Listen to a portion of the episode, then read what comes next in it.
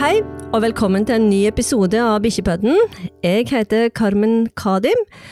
Og jeg har laga noen videoer. Jeg lager video i massasje og video i, i stretching og mobilisering. Og jeg har laga fire videoer i palpering av hundens muskler. De videoene de kan du reise inn på nordiskhms.no og bestille eller kjøpe i nettbutikken. Det er veldig informative videoer, og særlig hvis du er nybegynner og vil lære om å se og stretche bikkja di, så er det veldig gode instruksjonsvideoer på det. I dag så er tema ettersøkshund, og da har jeg med meg en veldig erfaren kar. Rune Borgersen han er utdannet ettersøksdommer, han er ettersøksinstruktør for Norges jeger- og fiskeforening, og han er fylkesinstruktør i ettersøk, pluss veldig mye mer. Velkommen, Rune. Takk, takk. Det var hyggelig å bli spurt om å snakke litt om hund på, på denne podkasten. Ja, Veldig hyggelig at du ville være med.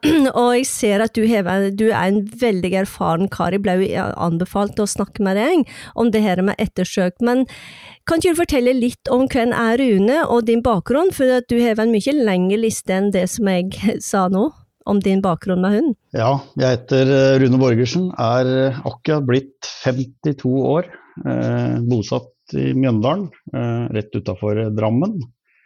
Eh, gift. Har tre barn.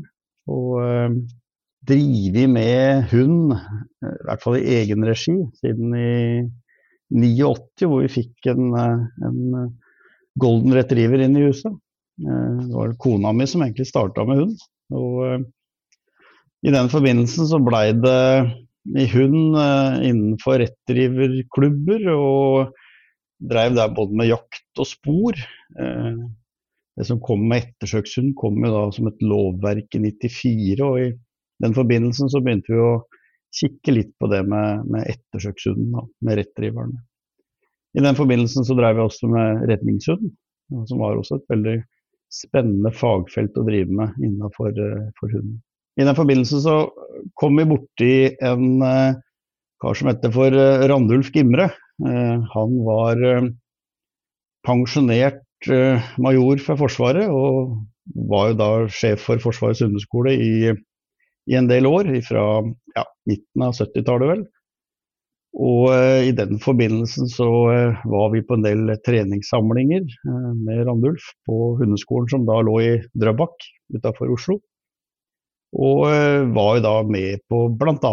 en 50-talls uh, funksjonsanalyser uh, på hund, som var veldig lærerikt og kunnskapsrikt om, om, det å lære om hund. Jeg har telt opp litt hvor lenge jeg var uten hund. Det var ca. fem år uten hund. Men for hvert år jeg fikk et barn, så blei det en hund mindre. Til slutt så hadde vi tre barn og ingen hunder. Men jeg fikk meg hund igjen i 2007. Det blei en striåra dags. Og og begynte å jakte igjen med den da. Jeg hadde jo jakta en del eh, før 89 også, både som eh, litt rådyr og eh, litt eh, småvilt rundt omkring. Og eh, da jeg fikk den dagsen igjen i 2007, så ble jeg jo mer aktivt på det med å begynne å jakte, og mest av rådyr stort sett, da, som jeg jakta med. Um, jeg er utdanna ettersøksdommer, altså de som godkjenner ettersøkshundene. Sveishunddommer, som det heter. Det er den som kan eh, godkjenne eller dømme sporprøver for de sveishundrasene vi har i Norge. Og er også da jakthunddommer, eller drevdommer for dagshund. Som du nevnte, så er jeg ettersøksinstruktør i Norges Jeger og Fisk. Trinn 2-instruktør i Norges Jeger og Fisk, som er en, eh, ja, en, utdannelse som går på å se på eh, mange forskjellige typer hunder.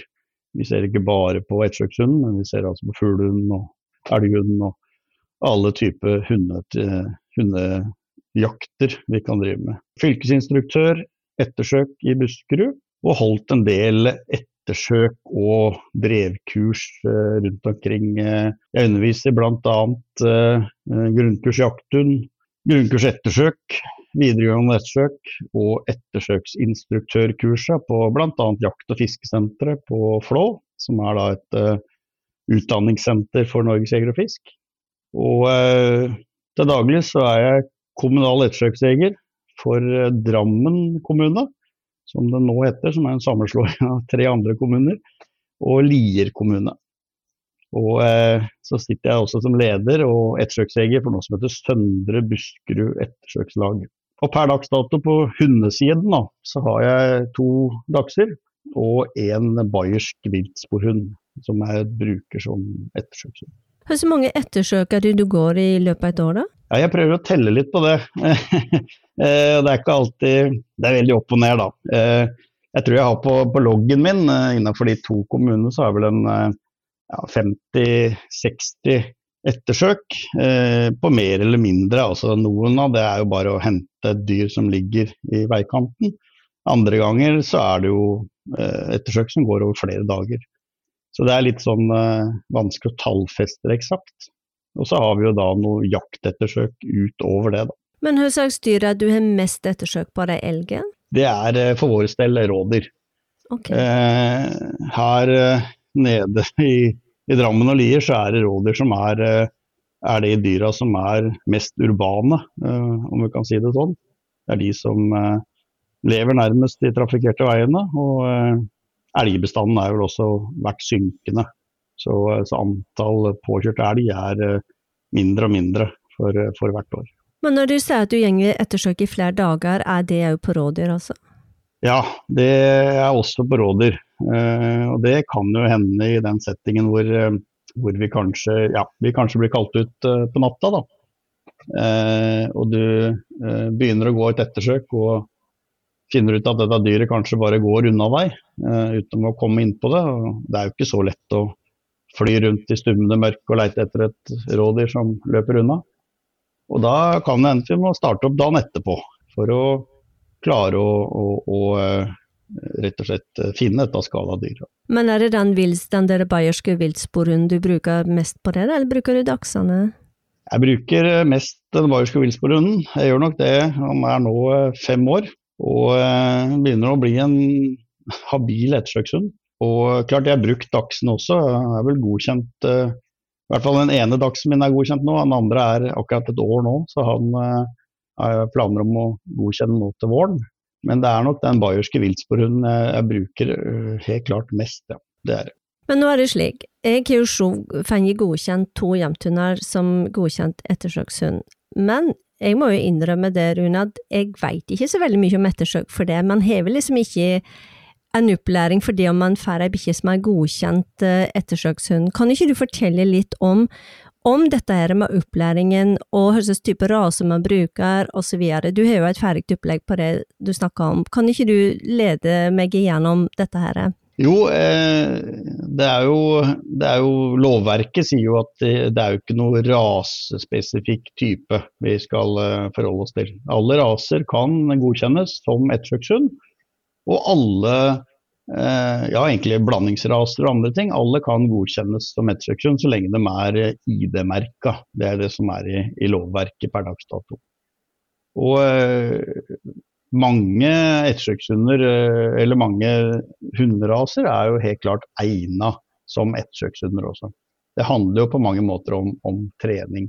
Men eh, jeg tror nok mange kanskje har et forhold til det med ettersøk, at det er å Eh, finne blod, kanskje i skadested, følge et blodspor og finne et dyr, gjerne dødt i andre enden. Det er sånn jeg på en måte tolker at mange tror at et ettersøk er. Og da kjenner ikke jeg meg helt igjen da, som ettersøksjeger. For det, det, er ikke noe fasit på egentlig hva et ettersøk er. Og Derfor så, så er det viktig å ha forskjellig type kompetanse i de forskjellige typer hundene vi bruker. Og For å komme litt inn på det som har med opptrening av hunden, så, så tror jeg det er viktig å, å tenke at vi, vi, må lære denne hunden eh, å gå det sporet eh, som vi på en måte setter den til å gå. Og Det er jo det som er forsen til en god ettersøkshund, er at han velger å følge det sporet han starta på. Og Det er jo eh, litt av utfordringa kanskje for noen av jakthundrasene våre, som eh, det har blitt eh, jakta mye med og trent lite spor på, er at de fort ønsker å gjøre noe annet enn å følge sporet etter et skada dyr. Ja, men det er det som er liksom, Jeg driver og trener oppe i Kevei, jeg er ikke på elleve måneder nå som jeg driver og trener på blodspor.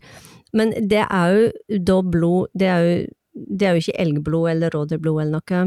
Og så skulle han lære ganger på det sporet, og nå så jeg sist det gikk med så var det rådyr som hadde kryssa sporet, og da så jeg at da skulle den av på det.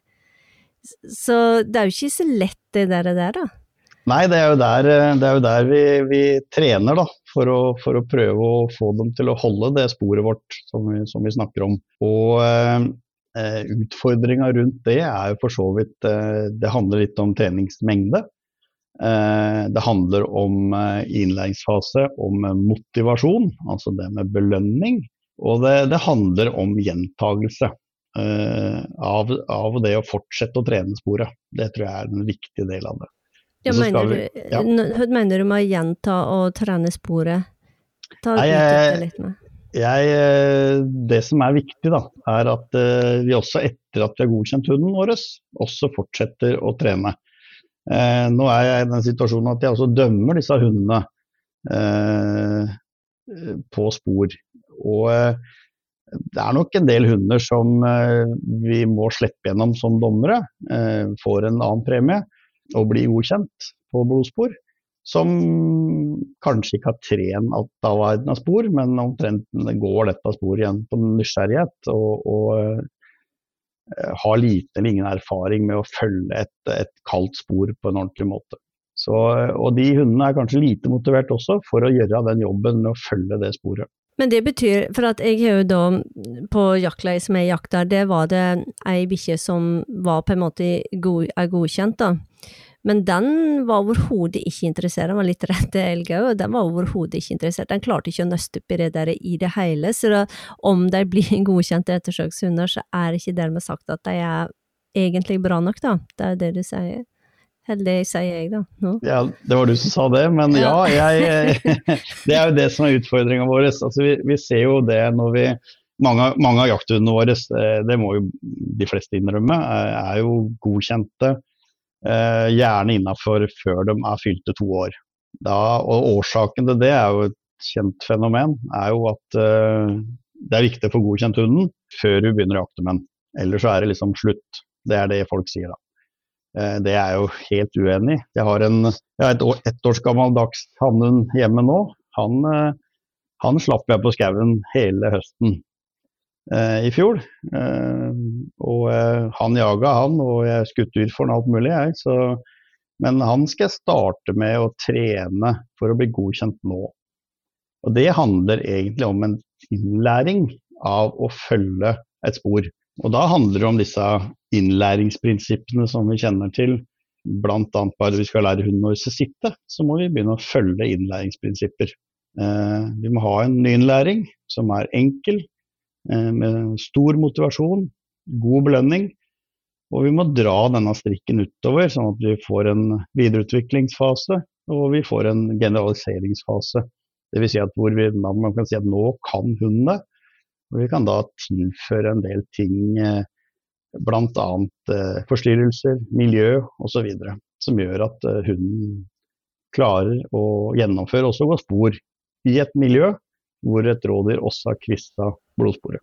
Men egentlig, da skulle, når man da får ei bikkje som er godkjent, slik som er gjort da, da burde det egentlig òg være kanskje obligatorisk at man hadde et lite kurs òg, et par timer eh, opplæring òg i tillegg, da, i teori, for å forstå litt mer om hvordan man gjenger ettersøk. For at fordi om jeg er en godkjent hund som er godkjent på jaktleie, så er ikke dermed sagt at jeg vet hvordan jeg skal ta gang et ettersøk. Nei, det er jo en diskusjon da, som, som er for så vidt litt rundt omkring. Er jo, er jo en diskusjon rundt det der med hva slags kompetanse har hundeføreren til, til ettersøkshunden.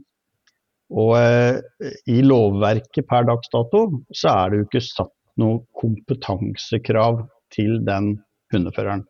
Dvs. Si at eh, hundeføreren av en godkjent ettersøkshund, som da blir ekvipasje, ettersøksekvipasjen, eh, har altså ikke noe krav uh, imot seg. Den har altså ikke noe krav om at den har uh, jaktprøve, altså jegerprøva, da. Uh, som hundefører. ja, han har altså ingen kompetanse i det hele tatt, kompetansekrav imot seg. Og Det stusser jeg litt på som ettersøksjeger. da, fordi det ettersøksekvipasjen er, er jo et, et verktøy som brukes eh, slik at du finner et skada hjortevilt som vi som jegere har påført en skade. Og eh, i den settingen å ikke ha noe kompetansekrav til ettersøks- eller hundeføreren da, som går bak i lina, det ja, kan nesten virke litt uh, ulogisk, om man kan si det sånn, litt pent. Det, det burde vært et krav også imot, uh, mot ettersøks- eller uh, hundeføreren da, i lovverket. Mm, men kan ikke du fortelle om hvordan opplæringen foregår, og, og også fortelle momenter som er viktige i forhold til et ettersøk? Ja, altså Hvis vi starter med, med hunden, altså starten på, på, eh, på, eh, det første sporet da, eh, for en hund, så, så starter jeg jo med den i veldig, veldig, veldig ung alder. Jeg starter vel egentlig allerede når jeg får valpen hjem i huset, som, som åtte uker. Og de, de første sporet, sporet, jeg går med den hunden, er stort sett eh, noen slepespor. Eh, gjerne kanskje en, en eh, klev, altså en, en, et hjorteviltfot som, som er dyppa i blod. Eh, hvor jeg drar bare den bortover. I noen tilfeller så lar jeg hunden se at jeg drar eh, foten av gårde. Og, og, slipper egentlig hunden løs. Eh, og lar han lov til å, å sulle med det sjøl. Eh, veien videre da er å, å sette line på. Og det som er kanskje den viktigste biten i det med sporarbeidet og innlæringsmessig, er å, er å la hunden finne ut hvor sporet går sjøl. Eh, og det gjør vi jo egentlig med å, å, sette line på og la hunden søke. Og når han velger å gå av sporet, så står vi bare helt rolig og lar hunden eh, vimse litt. Eh, gå av sporet, holde på litt rundt på en fem-seks meter. Og eh, når han tar spor igjen, så får han en forsiktig ros, og så går vi igjen. Vi har altså ikke noe grunnlag for i den innlæringsfasen her, hvor det er nyinnlæring, å komme med noe som helst slags type korrigering. For hunden kan det jo ikke. Og så er det viktig at vi ikke leder den til å gå sporet. For han skal jo egentlig finne ut av det sjøl, bruke nesa si for å finne sporet. Og så er det jo å, å eh, Når vi kommer til sporslutt, eller eh, midtveis i sporet. Eh, det er litt opp og ned, eh, spørs hvilken fase du kommer i. Men så er det da å ha noe som belønner hunden eh, til at han også ønsker å gå spor neste gang. Og eh, er som jeg pleier å si, to klapp i sida og et røsk i lina og si at vi skal gå hjem, det er ikke belønning. belønning og forsterker, som vi kanskje er et annet ord på, er noe som er julaften, nyttårsaften, 17. mai for hunden. Og det skal være noe som er sterkt for hunden, som gjør at han virkelig vil gjøre dette en gang til neste gang. Hva bruker du da, som er forsterker? Det er eh, opp og ned eh, på forskjellige typer hunder. Jeg har, en, ja, jeg har ei gammel tispe hjemme på 11, år som eh, jeg aldri har klart å leike med. Har, hver gang jeg har tatt tak i et eller annet jeg ønsker å leke med, så har hun spytta det ut av munnen og sagt 'jeg skal ikke leke med deg'. Det er ikke noe vits i. da brukte jeg godbit. Brukte vel eh, både pølsebetter og kjøttboller og andre ting. Og det, det var en motivasjon for ender i, i sporslutt. Og det har jeg også gjort med, med, med bayern min, eh, men jeg har også leika. Altså med, han har jeg brukt klauv på, eh, altså rådyrklauv eh, som jeg leker med. Drar litt, litt kampleik, forsiktig kampleik. Ikke veldig mye kampleik, veldig forsiktig. Og eh, jeg har også brukt godbit på han i sporslutt. Hvorfor tar du veldig forsiktig leik? Jo, eh, kampen eh, er jeg veldig forsiktig med. Og, og eh, jeg har aldri sett noe hensikt å drive med kampleiken. Jeg ønsker å, fronte på en måte den som har med jakten, altså jaktleika. Og det vil si at Hvis du tar en, en klauv, en rådyrklauv, og et tau i den, og drar den rundt omkring, så vil du få en jaktleik i hunden. Eh, med en gang hunden stort sett tar tak i den klauven, eh, så vil den gjerne ta tak i det byttet sjøl og holde det. Og da er du fort over i kampen.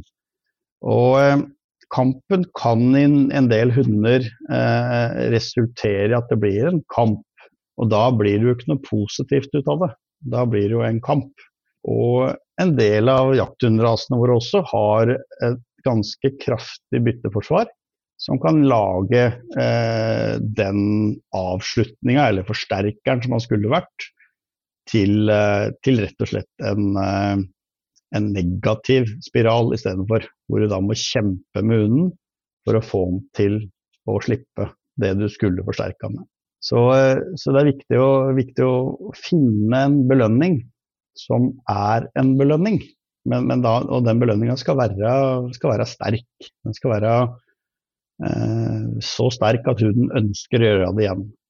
Eh, og det er, det er, en viktig del av det opplegget med å finne, finne, finne en belønning for hunden. Men hvor ofte trener du blodspor? Nei, blodspor trener jeg eh, Kan jeg godt trene eh, tre ganger i uka, fire ganger i uka. Jeg, eh, jeg veit det er noen som har sagt at vi kan ikke trene blodspor mer enn mer enn én gang i uka, for da blir hunden lei. Det er jo en sånn kjensgjerning som mange kommer med. I, i nyinnlæring så kan jeg trene det kanskje to ganger om dagen. Eh, men alt går jo på én ting. Hva eh, har jeg som belønning?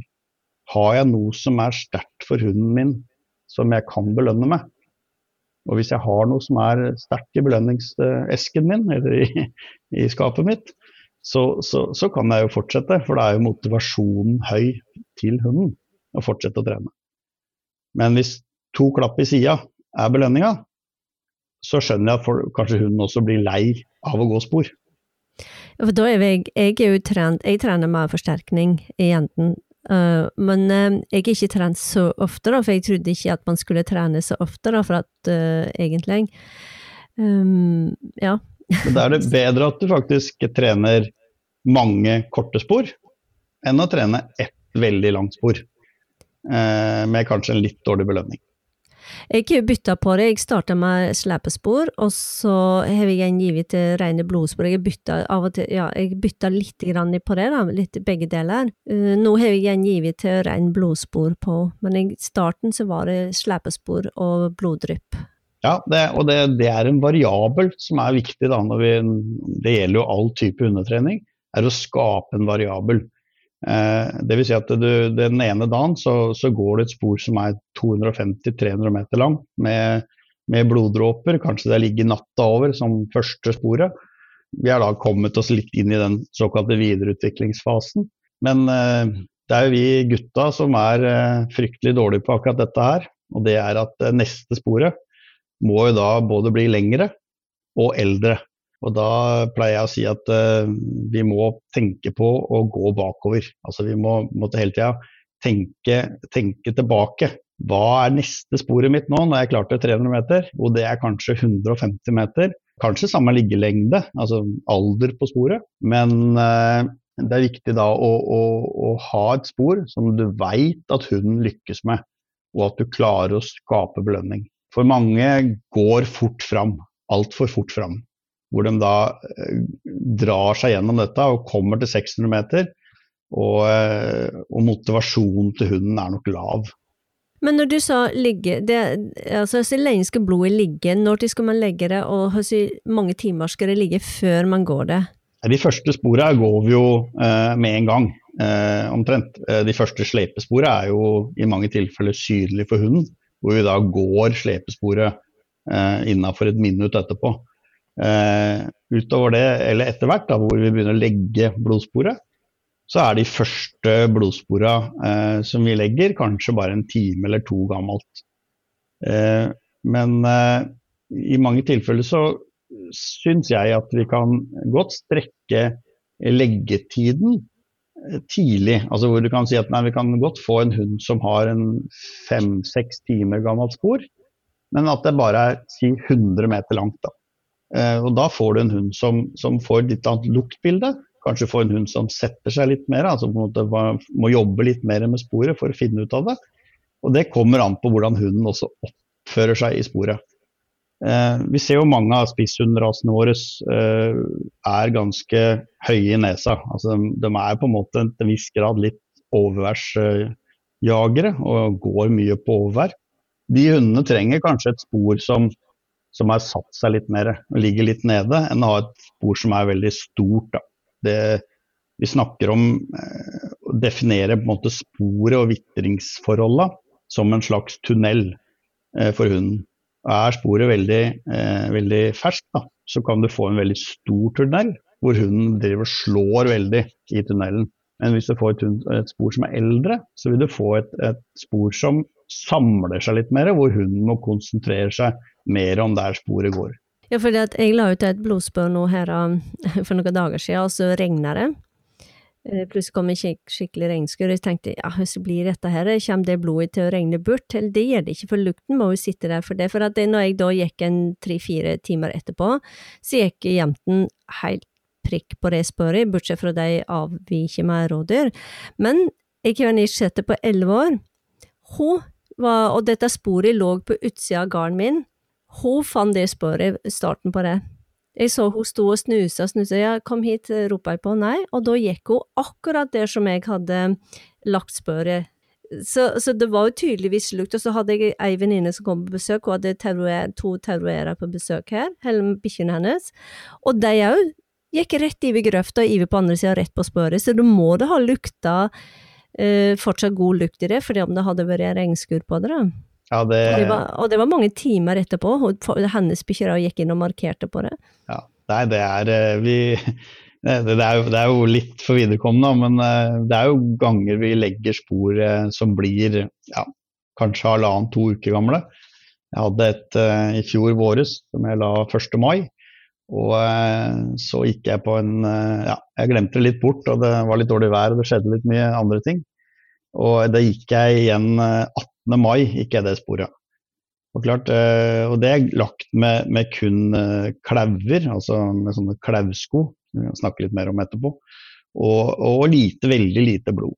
Og det går an det, men klart da er hun trent hund. Veldig, veldig godt trent hund. Og, og det er det jeg vil ut til, at når vi jobber med innlæringsfasene våre, eh, når hunden ikke er generalisert på det, så er det viktig at du lager forhold som gjør at hunden klarer det. Sånn som du sier, når det har regna, eh, så bør du stille deg spørsmålet eh, kan, Klarer hunden min å gjennomføre dette sporet når det har regna? Sånn at du ikke du For problematikken med, med å trene sporet, da, er jo det at når hunden velger å ikke gå sporet, hva gjør du da? Det er helt umulig å, å dytte en hund foran seg i et tau. Og da har du ikke lykkes med å gå det sporet. Og da må du begynne å tenke litt. Hva gjør jeg neste gang nå? Eh, er det fordi det regna? Er det fordi sporet er for gammelt? Eh, har jeg brukt for lite blod? Eh, er motivasjonen i enden for dårlig, som gjør at hunden min rett og slett ikke gidder å gå spor. Så det er mange ting som må vurderes i den treningssettingen der. Men det som var med, med bikkja mi, da, hun hun gikk egentlig veldig fort. Eh, for hun gikk veldig prikk på den, og så var det rigg A, og det var rådyr, og så bare stoppa, som du sa, og så fortsatte hun, så hadde de 90 graders avvik, og hun tok alltid der og rett på. 150 meter. Så motivasjonen var der, men hun gikk litt for fort. Kan du snakke litt om det, at man kanskje går litt for fort, eller er det noe ja. ja. Ja, eh, noen hunder går litt for fort. Og eh, jeg tror det i noen tilfeller så ligger det litt på, på det at sporet kanskje i noen tilfeller er litt for enkelt og litt for, for ferskt. da. får du et, et, spor som er eh, mindre ferskhet i, så, så, så, vil du få også en, en hund som demper farta si for å få med seg sporet. Men det, det tinger jo da igjen at hunden er motivert for å gå sporet. For da har du et spor som er gammelt, og hunden ikke fikser rett og slett, så, så kommer du ikke til slutt heller og får motivert. Og Vi ser jo det når vi dømmer hunder noen ganger, som kommer på prøver. Så, så har de eh, gått for lite såkalte nattgamle spor, og de har gått for lite spor under eh, forskjellige typer forhold og underlag. Dvs. Si at eh, de er kanskje vant til å gå i ett forhold, et, en skautype eller blåbærlyng eh, lignende. Og så kommer det et annet eh, terreng hvor det har vært eh, varmt i løpet av natta. Og så klarer ikke hunden rett og slett å, å løse oppgaven, fordi luktbildet er annerledes. Ja, Så det du sier, er at man bør prøve forskjellige typer miljøer, da. Som jeg trener litt på jordet, så er jeg inne i skogen, og så er jeg litt Ja, prøver helt til å finne nye områder, liksom. Det er viktig, viktig å, å, rett og slett eh, på, skape forskjellige miljøpåkjenninger, om vi kan kalle det det. Eh, det er jo det forskjellige skifte av underlag egentlig er. Hvor de da f.eks. går ifra en uh, fuktig skaubånd ut på en knusktørr hogstflate midt på sommeren. Da har du mm. to helt forskjellige luktbilder. Men kan ikke du fortelle litt om hvordan legger ikke en opp uh, f.eks. utdannelsen i forhold til folk som skal ta, vil ta en utdannelse i forhold til ettersøk? Hva slags type utdannelser er det? For at når du snakker om at du er Det er greit du er ettersøksdommer, og da dømmer du andre, men så sier du at du er ettersøksinstruktør. og Hva slags type folk er det du utdanner? Hva er det man blir da, for eksempel? Når man gjenger, for eksempel, jeg skal, Hvis jeg reiser på kurs til deg, da, ettersøkskurs, hva er det jeg kan forvente da? Ja, det, det, er jo en kursrekke, bl.a. i Norges Jeger og Fisk, eh, som, eh, som starter da med det som heter grunnkurs ettersøk. Eh, det første kurset som er i Norges Jegerfisk, er jo et grunnkurs i jakthund. Og det er jo et kurs som er eh, et kurs for eh, de som skal bli instruktører i Norges Jegerfisk. Og egentlig for en allmenne hundeeier. Og det er et sånn grunnleggende hundekurs. Men når vi kommer til ettersøk, så er det noe som heter grunnkurs jakthund. Det gjennomføres, i hvert fall sånn vi har gjennomført det i Buskerud, så, så gjennomføres det med, med, med en uh, teorikveld.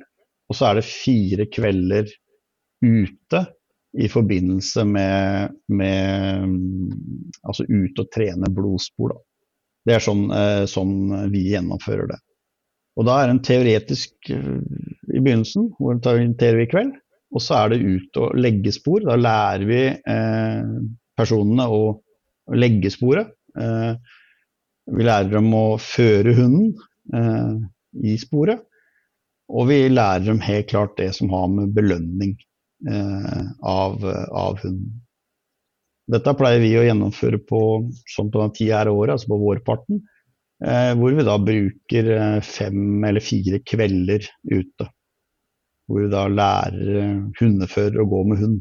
Det er jo det som er det viktigste, egentlig. Og I den settingen så har vi også en, en eh, del snakk rundt, uh, rundt det med ettersøksarbeidet i, det, i, det, kurset. Så vi har en del, en del prating i den settingen hvor vi har lagt et spor, og skal vente litt før vi skal gå sporet. Så har vi en del prat rundt ettersøksarbeidet. altså hvordan hvordan er praktisk ettersøk gjennomføres. Men kan du ikke fortelle litt om et praktisk ettersøk? Det er jeg litt nysgjerrig på. Ja, det er, eh, det er alltid et spennende sak, egentlig, det praktiske ettersøket. fordi det er jo ikke noe fasit på hva egentlig et, et praktisk ettersøk blir. Vi, eh, hvis, vi, hvis, vi, tar jaktettersøket vårt, da, så, så, så er det en del ting som har skjedd eh, før vi som ettersøksekvipasjer kommer fram til det stedet hvor dyret er skutt. Og det, det, så, det, du som ettersøksjeger eller ettersøksekvipasje må ta litt høyde for, er at du møter for det første en jeger eh, som er forholdsvis stressa og eh, ikke helt Eh, med sine fulle fem bestandig. Syns ikke det er noe hyggelig å ha skutt på et dyr som ikke ligger. Og eh, i mange tilfeller så er det også gjort en del litt sånne elementære feil eh, ifra, fra jegeren eh, før, eh, før, vi kommer fram på stedet. Og eh, jeg pleier å si det sånn at i, i mange tilfeller så er, er et, jegeren blitt hund. Eh, og da, når skuddet har gått, så vokser det ut litt store ører på den. og Så får den en eh, luktesans som er formidabel som en hund. Og så begynner den å leite sjøl. Eh, og i de tilfellene der så, så, så, har vi jo en del eh, caser hvor en del av eh, grunnlaget for å finne ut hvor det skaladyret er, eh, er ganske ødelagt av jegeren. Og det er jo noe av det jeg reiser rundt og prater om, er hva gjør du som jeger? Og eh, i de settingene der sånn, så er det viktig at eh, jegeren uh, rett og slett uh, Han skyter på dyr, og det ikke ligger, så er anbefalinga vår at han skal sitte i ro på post. Han kan godt varsle jegere rundt seg og jaktlag. Det første han skal gjøre, er å ta et nytt ladegrep og være klar på nytt igjen for, for et nytt skudd. Men eh, når han har gjort det, eh, og det ikke kommer noe nytt dyr, så, så, ønsker vi at han merker plasten han satt på når han skøyt på dyret. Og vi ønsker at han merker den plasten han mente dyret sto når, der han skøyt på dyret. Og så skal han ikke, det du sier at han da skal holde seg i resten i ro, han skal ikke trakke rundt og rundt og rundt og lete sjøl, liksom? Da skal han altså ikke bli eh, ettersøkshund, nei. Eh, nei. Og eh, det er som jeg pleier å si, når det har blitt gjort, så, så skal jo da jegeren sånn i henhold til lovverket gå bort til skuddplassen ikke sant? og se seg litt rundt på skuddplassen, se om han finner noe blod eller noe, noen andre ting. Og det han skal gjøre etter det, er å ringe ettersøksekvipasjen. Uh, men, men ja. hvis du f.eks. at uh, det er en som gjenger med bannhund, uh, også, og den bannhunden er ikke godkjent ettersøkshund, men det var den bannhunden som leda da an Altså at den elgen kom på post og ble skutt. Skal, kan, skal den da hunden få lov å fortsette søket sitt, altså jo, den er jo på sporet av den elgen, ikke sant? Den har og tatt ut den elgen, ikke sant? Ja. Og så springer elgen opp på en post, og så blir den skutt. Er den, er den godkjent, da? Er bannhunden godkjent som ettersøkshund? Nei, nei, men den var, den var, Det var jo den som fikk Den var jo på sporet, og det var jo den som fikk den som leda elgen bort på posten, da. Skal den da kunne fortsette opp på fallet, eventuelt? Eller må den stå igjen, og så må de ringe etter en annen hund? Det, det som har blitt sagt da rundt det, direktoratet har presisert det ved et par anledninger, bl.a. i noen uh, artikler. Eh, så Starme skriver bl.a. Eh, når du har gjennomført en grundig skuddplassundersøkelse, så har du lov til å gå etter med en ikke godkjent hund i fluktretning for å finne et dødsskutt dyr. Men da må du finne dyret innenfor en radius av 150 meter fra skuddplassen. Ja, men det, for, det, for, meg så ble det helt ulogisk når jeg hadde Vi hadde jo da eh, Bikkja var jo på spør, var vi som tok ut elgen, jeg og bikkja, og og så fikk jeg beskjed om å stoppe.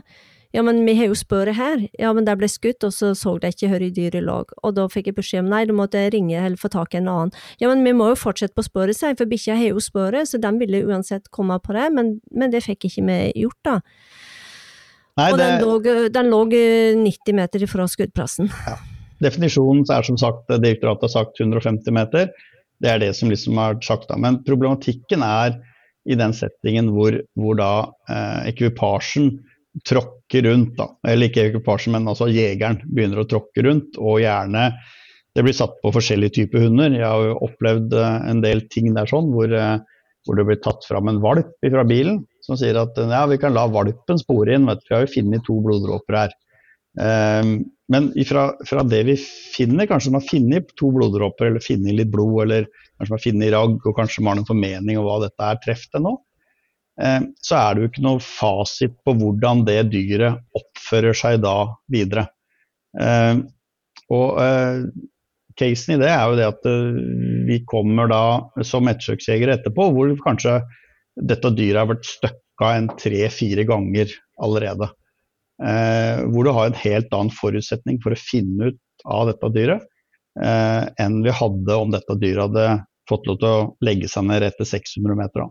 Men høres hvor lang tid etter at dyret er skutt at man skal begynne å gå på med hund? For, for at jeg har hørt litt forskjellig at folk sier at du skal vente noen timer før man setter hund, ettersøkshund på.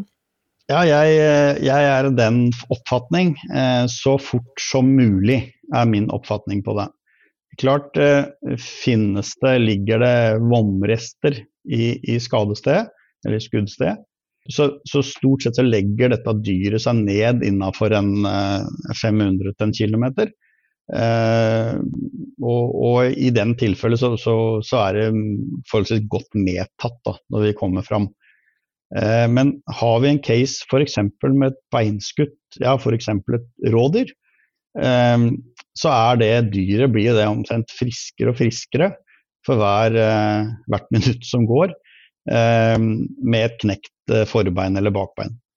Så i de tilfellene så ønsker vi å komme fortest mulig på, så vi klarer å, å, å, på en måte komme i gang med dyret fortest mulig. Så det er veldig diskusjon om det hvor tid vi skal på. Men i noen tilfeller så, så vil et dyr legge seg ned eh, hvis de er forholdsvis hardt skadd. Da. Det vil de.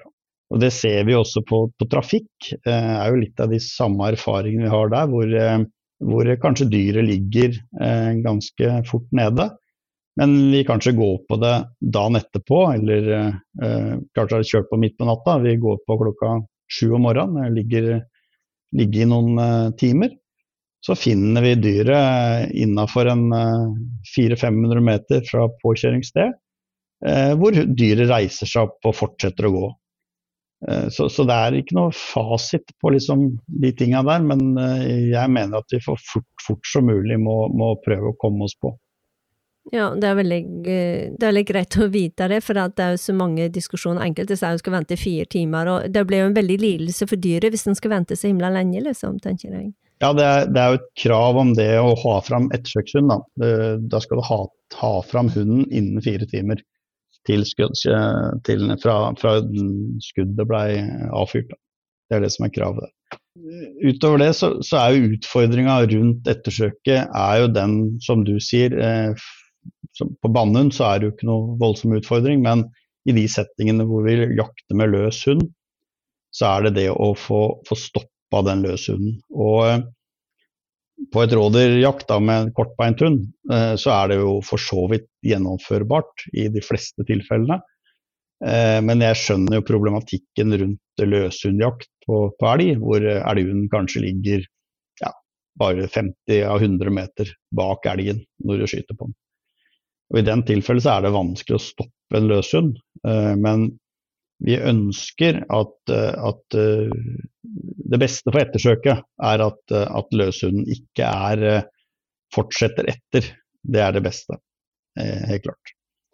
For vi har jo noen ettersøk hvor vi, vi kommer på der hvor løshunden har vært etter, og, og vi, vi, rett og slett sliter med å, å få sortert ut da. Hva, hva har den jaga på, har han fortsatt å jage på det skada dyret? Har han funnet noe nytt å jage på? Eh, hvor er det skada dyret? Eh, Osv. Så, videre. så det er en, en liten, uh, liten, eh, etterforskning som må skje der, for å finne ut av hvor, uh, hvor, hvor det skada dyret er. Da. Så prøv å koble hunden. Det er jo det, altså all den informasjonen her som du sier, det er, det er jo slike ting som ikke man blir opplært på egentlig, eller som man vet, og jeg synes det er veldig nyttig. Det er det andre ting som er viktig for å kunne å, å tenke på i et ettersøk, eller at man skadeskyter et dyr? Ja, det er, eh, det er eh, rett og slett å, som, som, jeg sa, få tak i ettersøkshunden, få tak i ettersøksekvipasjen. Og, eh, og, så er det jo en bønn fra meg til alle norske jegere som som jakter hjortevilt, er at alle har en ettersøksavtale eh, når de jakter. Eh, og Det er jo en litt av utfordringa vår, dessverre, på, eh, på rådyra. Som er, lider nok mest under den saken der. Ja, for det er ikke krav om det på rådyrjakt? Det er krav om det på rådyrjakt òg, ja. Det, det, ja. Samme kravet som for, på rådyr, hjort og elg. Men du, når det gjelder rupe, og fugl, for jeg er jo rupejeger, og jeg jakter både storfugl og, og, og rype, men, men, her er det ikke krav om ettersøkshund eller hund når det gjelder fuglejakt, og jeg tror det er det i Sverige, stemmer det, eller er det jeg som blander litt? Jeg er usikker på om det er i Sverige, eh, men eh, kravet om hund er ikke der. Men du har jo samme ettersøkskravet. Altså har du skutt imot et dyr, så skal du prøve å finne dyret. Eh, og klart Da er det lettere å ha en fuglehund enn å ikke ha en fuglehund i vierkrattet på fjellet. Så du har jo like store krav på deg til å på en måte finne det skada dyret, men det er ikke krav om hund. Nei, for at jeg har jo da iallfall i to tilfeller der bikkjene mine har funnet ruper som støkkjegere har skutt i. Det har skjedd to ganger. Ja, det, det hender det, helt klart. Men det er ikke krav om, krav om godkjent hund, da. det er det ikke. Men det er krav om at vi fortsetter å, å leite etter det skada dyret. Men jeg ser at på elgjaktlag så er det liksom Der må man ha en godkjent ettersøksavtale. På de fleste jaktlag, tror jeg. Ja, det er veldig opp og ned hvordan det blir eh, organisert rundt omkring. Kravet ligger hos jegeren eller hos jaktlederen i den tilfellet med, med, med elg. Da. For det er elg og hjort blir jo jakta i lag. Mens eh, rådyr har ikke noe krav om at det er et jaktlag. Der kan eh, hver mann eh, jakte for seg sjøl, alene. Så, så, så, det er jegerens ansvar å ha ettersøksavtalen i orden. På lik linje så er jegerens ansvar å ha, ha skyteprøva i orden på våpenet han bruker. Uh, vi mener vel kanskje at, uh, at noe av det kravet kunne ligge hos de som selger jaktkortet. At uh, har du solgt, har du kjøpt et jaktkort av en grunneier eller en Statskog eller andre, uh, så bør kanskje kravet ligge hos de, at de dokumenterer. Altså sier at uh, har du kjøpt kort av meg, så må jeg ha en dokumentasjon på at du har en ettersøksavtale med en ettersøksekvipasje. Og argumentene for å ikke gjøre det er vel eh, litt systemer og litt andre ting, men, eh, men det ligger også litt som et spørsmål ja, hvordan får vi tak i ettersøkshund. Og som jeg, per dags dato så, så, ligger det rundt 11 000 ettersøksekvipasjer i NKK sitt ettersøksregister. Det ligger også en 2500 hundeførere, altså ettersøksjegere, som har gjennomgått et videregående, eh, videregående ettersøkskurs. Og det er et kurs for de som skal gå eh, kommunalt ettersøk. Ja, kommunalt ettersøk. Så det, ja. mm. Sikkert for eksempel jeg som er da godkjent ekvipasje, jeg er bare godkjent i forhold til eget jaktlag, ikke sant? Nei, så lenge du har eh, godkjent din hund eh, på blodspor eh, og fersksporprøve, så, så, kan og du registrerer deg inn i ettersøksregisteret til NKK, så er du godkjent for å gå ettersøk for de du ønsker å ta avtale med. Ja, mm, men jeg er ikke for kommunalt. Det er ikke slik at jeg kan ta på meg viltpåkjørsler og den type ettersøk. Er ikke det forskjell? Der kom, det, som... der kom det et, eh, en endring i loven i, i 2016 Eh, hvor kravet om det å ha gjennomført et såkalt videregående ettersøkskurs fordi ekvipasjen, eller det er, ikke, det er for så vidt ekvipasje, og det er jo hund og fører, men de som skal eh, ta på seg sånne jobber, de skal ha gjennomført det videregående kurset. Og Det er jo et kurs som, eh, som både Norsk Kennelklubb og, og, og Norges Jeger- og Fiskerforbund avholder rundt omkring. Og Det er jo gå veldig mye på hundeføreropplæring, bl.a. Skyting. Eh, som en del av elementet i det greiene der. Og Der er også satt krav til hundefører at uh, han skal ha gjennomhatt, uh, vært registrert i, Jegerregisteret. Så der har du et kompetansekrav da, på de som, som, er hundeførere i det videregående kurset. Så, så min anbefaling til de som, som, er ute etter å leite etter en ettersøksekvipasje, er anbefalinga mi at de søker å finne noen som har gjennomført det videregående kurset. For de har en høyere kompetanse enn de som bare står i registeret. Men stå, hør, finner det, er det et eget register på de som har en utvida kompetanse? Hvis du går på Norsk Kennelklubb og søker ettersøksregister, så får du opp eh, det vanlige ettersøksregisteret. Og så er det en egen fane der som er videregående ettersøkskurs. Og Der ligger, ligger, de som har tatt det kurset og gjennomført det. Kanskje jeg må ta det, for jeg er jo, jeg er jo godkjent ekvipasje på to bikkjer, faktisk. Men eh, kanskje jeg skal gjøre det, jeg syns det er interessant. Ja, det er god, eh, god, læring, og eh, det er jo basert på en eh, e-læringsbit i del én som må gjennomføres, og en del to som er en utedag. Eh, Anbefalinga mi rundt det er at det gjennomføres eh, både del én og del to som, som, undervisning. Eh, Det har vi i Norges Jeger og Fisk gjort de siste åra. Eh, gjennomført på en måte del én som en egen undervisningsdag. Og, eh, og, del to som den utedagen som er obligatorisk. Da får du god ja, Du får diskutert eh, casene rundt ettersøk og god læring. Og så ha med del én som, eh, som, eh, som, en måte, undervisning eh, til stede, da. ikke bare på e-læring. Men er det de kursene du kjører på Flå, eller hvor kjører du dem? Blant, ja. blant, annet på Flå blir de gjennomført. Eh, der holder jeg det videregående ettersøkskurset. Og det blir også gjennomført i en del fylkeslag. Alle fylkesinstruktører i Norges Jeger og Fisk er utdanna for å gjennomføre det kurset, og godkjent for det. Og så gjennomføres det i noen tilfeller hos eh, Norsk Kennelklubb. Har også gjennomført dette gjennom eh, skogkurs. Men hvis jeg da vil melde meg på, hvor finner jeg det, hvor jeg kan melde meg på de kursene? Hvor ligger det ut på Norges jeger- og fiskeforening sine sider da, når de kursene blir avholdt og slik? Der ligger det ute på Norges jeger og fisk sine side, og på portalen der sånn. Og eh, du finner det også på på Jaktfiskesenteret. Hvis du går inn der, så finner du det på kursoversikten til, eh, til Norges Jeger Fisk. Ja, nei, men dette er bra, Rune. Er det andre ting du syns er viktig at vi får med her? Ja, altså det er, eh, det er det praktiske ettersøket eh, som, som, eh, som, vi kanskje har, har litt for liten erfaring på. Og det er, den, det er, det er de eh, casene vi, vi, får med det praktiske ettersøket, som, som er, eh, er, litt av nøkkelen til suksess framover. Og som jeg starta litt med å si da, så, så må vi ha, eh, ha, noen ettersøk for å skape oss erfaring. Og det er jo litt av utfordringa rundt eh, løsningen på ettersøkshund i Norge i dag, er jo at eh, det er mange hunder som er utdanna. Det er uh, mange hunder som aldri får gått et ettersøk. Uh, men de har fortsatt eh, tegna ettersøksavtaler, og det ja, Kunnskapen da, til, til, hund og fører er ganske lav eh, i noen tilfeller. Og det er jo litt av utfordringa vår som, som, går de, de kommunale ettersøka, er jo at at vi, vi ønsker å høyne kompetanse på, eh, på ettersøksekvipasjen. Det er, eh, det er, noe av det vi, vi, jobber med og prater mye om for å prøve å øke kompetanse.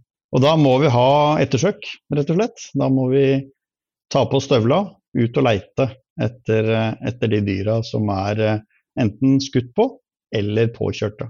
Så den første bønnen min er jo at jegeren har ettersøksavtalen i orden. Og den andre er at jegeren ringer når han har skutt på et dyr og det ikke ligger. Vi har en del caser der også hvor, hvor eh, det ikke blir meldt ifra at det er skutt imot et dyr. Vi har vel en klassiker hvor eh, noen sier eh, blir det noe hvis ikke dyret ligger, så tar vi det på telefon. Og En sånn holdning til ettersøket må vi prøve å, å, å få bort alle er uheldige én eh, gang, eh, eller to ganger, eller tre ganger òg. Eh, og vi og lager et ettersøk, det kan skje. Eh, og de som sier at det aldri har skjedd, de har vel kanskje ikke jakta så mye heller. Jeg har noen, prøvd å se på noen tall på det, og eh, i 2018 eh, så var jeg med på å jakta rådyr og skaut vel en ja, jeg tror det ble felt 12-13 dyr eh, i, de, i, løpet av den høsten da, som jeg var med på forskjellige jaktlag forskjellige terrenger og alt mulig rart.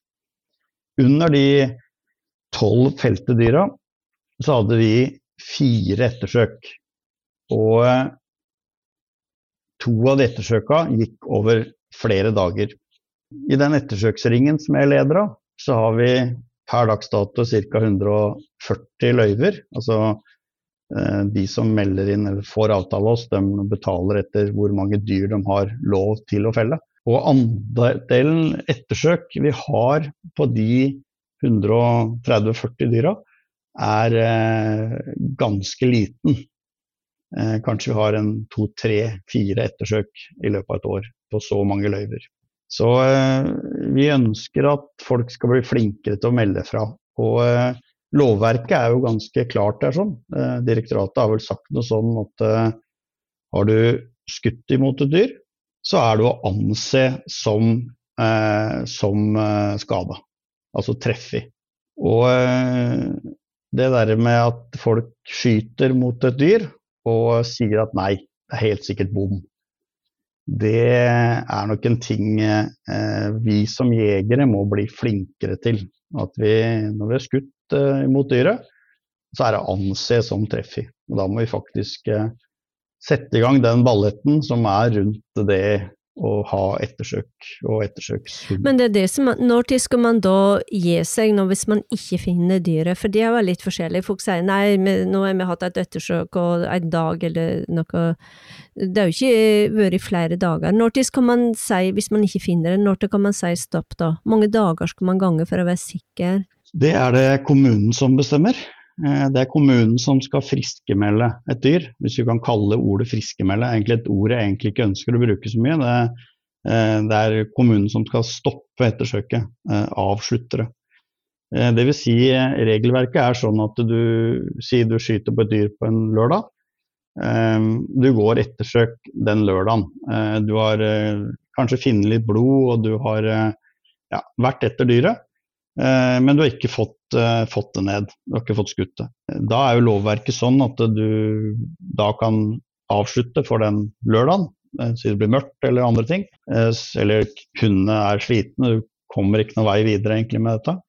Da skal du ringe kommunen, viltforvalter, og varsle at vi har gått ettersøk i, i, i dag. Der og der, ikke fått skutt dyret. Eh, så har kommunen på en måte noen valg å ta der. Eh, de fleste tilfellene så ber de at eh, vi som har gått ettersøk og har ettersøksavtalen i det laget, fortsetter dagen etterpå. Og Da er jo lovverket sånn at også hele jaktlaget skal stille opp dagen etterpå for å prøve å, å finne det skada dyret med å sitte på post osv. osv. Det blir nok ikke praktisert helt slik i alle plasser. Jeg tror det folk eh, friskmelder litt eh, raskere dyret. Ja, det, det, kan nok hende, men, men, lovverket er ganske klart på det. Og, og, og, faktisk så er det da, når du har gått på dag to, så er samme prosedyren en gang til. Du skal ha en ny telefon til viltforvalteren på dag to og si at situasjonen er lik som på dag én. Og I den tilfellet så kan jo da kommunen velge å komme inn og si at da fortsetter vi ettersøket med våre ekvipasjer. Eh, det er sånn lovverket rundt sier det. Og som jeg sa i stad, eh, i 2018 så hadde vi altså fire ettersøk eh, på rådyr. Og to av de ettersøka gikk over to dager for å avslutte ettersøket. Og vi, ser jo, vi, ser jo, de casene hvor, hvor det er lite blod. Eh, beinskuttedyr f.eks. kan eh, først blø etter en 200-300 meter. Eh, de blør kanskje i en kilometer eller to, ganske kraftig, og så stopper det å blø. Og de, de, dyra der kan altså ikke friskmeldes, fordi de, de er jo skada av oss. Og Det er det jeg mener med det å bare gå fram på skuddstedet og sparke litt i bakken og si at nei, dette blei helt sikkert bom. Da pleier jeg å si at eh, ville du ikke treffe når du skøyt, eh, var det derfor du har bomma på dyret. Mest sannsynlig så har du vært borti det, og mest sannsynlig så finner vi noe som gjør, tilsier at det dyret er skada når, når, vi setter på en, på en godt trent ettersøkshund. Ja, Nei, dette var veldig, veldig nyttig, Rune. Jeg er supermotivert nå. Jeg tror jeg skal ta de utvida ettersøkskursene. For jeg, ser, jeg vet selv at jeg har for lite kompetanse på ettersøk. Det, det, det innrømmer jeg, og det, så det Nei, det, er en, det er i hvert fall en viktig del av dette med, med den humane jakta vår. Det er for meg ettersøket. Det er det som er en del av den humane jakta. For vi kan alle sammen være uheldige, og eh, det vi vet, eh, vi som har jakta litt, eh, hvor fort det er mulig å, å skyte litt feil. Eh, og det skal være et ganske godt skudd på et rådyr. Eh, skal, skal, det, være optimalt sånn at dyret ligger. Eh, og, og, derfor så, så, må vi gjennomføre ettersøket. Og det er like godt at det er like viktig at vi faktisk setter på en hund og gjennomfører såkalt kontrollsøk. Dvs. Si at vi, vi, vi, setter i gang og jobber oss gjennom for å se er dette dyret skada i det hele tatt. Eller, eller har skytteren eh, rett og slett bomma? Men for å være sikker på det, så må vi ha på en godkjent ettersøkshund. Vi kan ikke bare friskemelde fordi vi tror vi har bomma. Nei, og så er det det at uh, jeg, jeg skjøt på en elg uh, for mange år siden, og den, um, og den gikk iallfall en kilometer før vi fant den. Vi hadde jo ettersøk på den, da. Og, det, og, den, som du sa, den følelsen du står atter der og ikke finner dyret, den er ikke veldig ok. Så jeg er veldig glad vi fant den, men det var faktisk en kilometer det den elgen hadde gått. Vi fant daura. Men uh, allikevel, de kan gange nokså langt før de legger seg, altså. Ja, vi ser det. Klart, min erfaring går mest på, på rådyr. Det er det vi har mest av, det er det jeg jakter mest av. Men det, det er jo klart det er den andelen som er størst, som vi, som vi kommer borti. Og vi, vi ser de skadeomfangene som vi har på, på mange av rådyra våre, som er, som er treffer ganske hva si for noe godt. da. Men, eh, men, eh, som jeg pleier å si, motorkassa, altså det som er inni, vitale i, i dyret, er ikke treffet godt nok. Og da, da, har du et dyr som er helt klart i stand til å fortsette å bevege seg. Eh, knekte bein f.eks. er eh, ingen hindring for at de går. Eh, ganske store eh, kjøttsår er helt klart fullt mulig å fortsette å bevege seg på. Og, eh, og de, i de tilfellene der så, så, så, så trenger vi eh, en ettersøkshund som, som, er villig til å fortsette å, å gå på, på de, de skada dyra der. Og det er jo litt av den kompetansen som, som vi begynner å få litt i, i Norge. På eh, bl.a. disse sveishundrasene som den bayerske villsporhunden min er. Da. Og der det er jo en hund som da er i stand til å spore. Det er jo en god sporhund, veldig god sporhund. Men det er jo også en hund som da kan slippes for å stoppe et dyr. Eh, I mange tilfeller så brukes det stort sett på, på rådyr, eh, men det gjøres også på hjort og, og for så vidt på elg òg, hvor, hvor, han stiller, stiller dyr. Og det er vel de tinga vi kanskje har hatt lite fokus på i Norge, er de derre de, de, forskjellige typer hundene som skal til for å løse et ettersøk. Eh, en, en, knekt forbein på en elg eh, er helt greit å spore med en labrador, men bare, du kan bare fortsette å spore med den labradoren eh, i, i, i 7, 8, 9, 10 km uten problem. Bare fortsette. Bare spore på. Men den elgen vil aldri stoppe, så du får skutt den.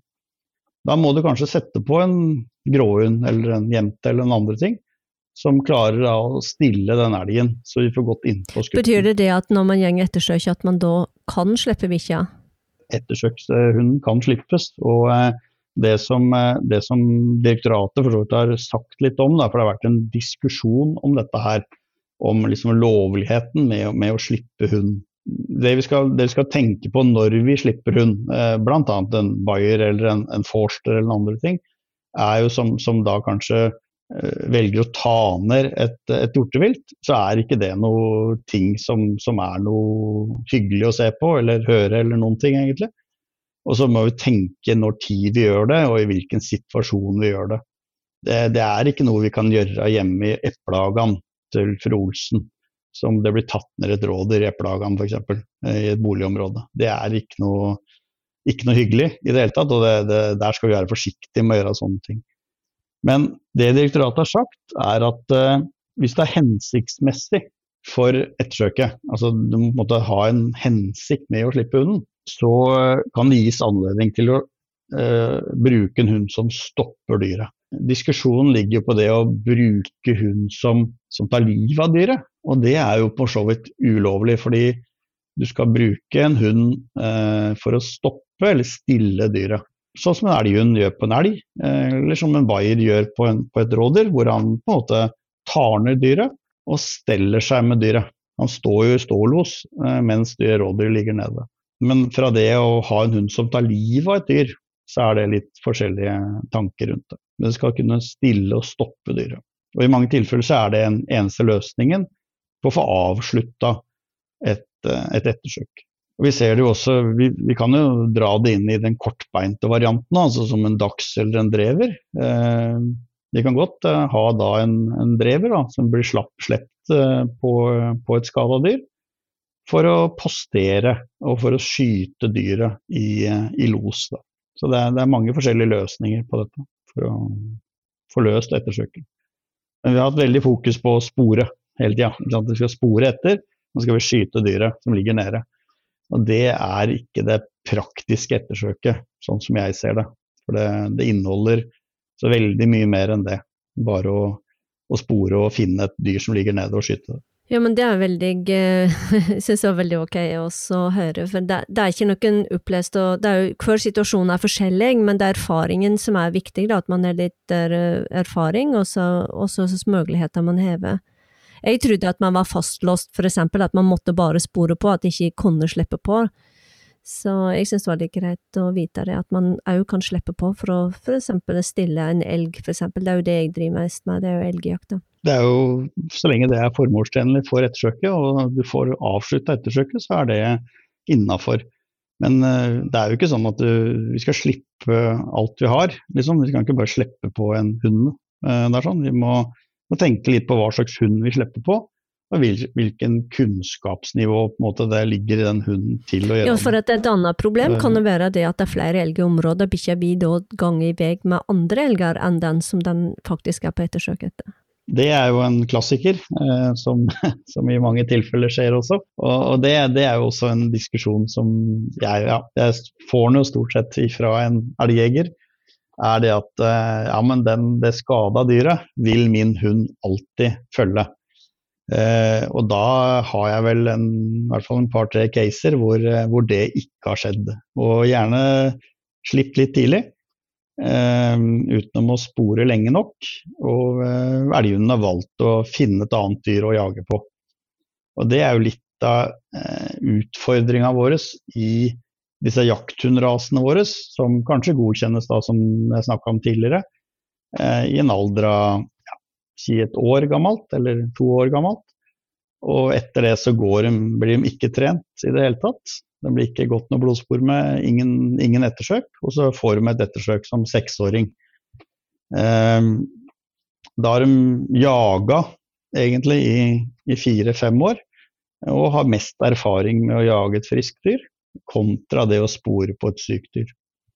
Så, så, i de tilfellene der så ser vi mange av jakthundene våre velger å gå eh, friskt framfor å velge å gå det skada dyret. Jeg, nå jeg motiverer jeg skal være flinkere til å fortsette å trene blodspor på bikkjene mine, Rune, og jeg kommer nok til å ta videregående kurs i ettersøk. Det, det ser jeg. Så tusen hjertelig takk, det var veldig informativt og veldig moro å intervjue deg, Rune. Så ja, så supert at du ville stille opp. Takk, takk. Fint. Ha det bra. Ha det.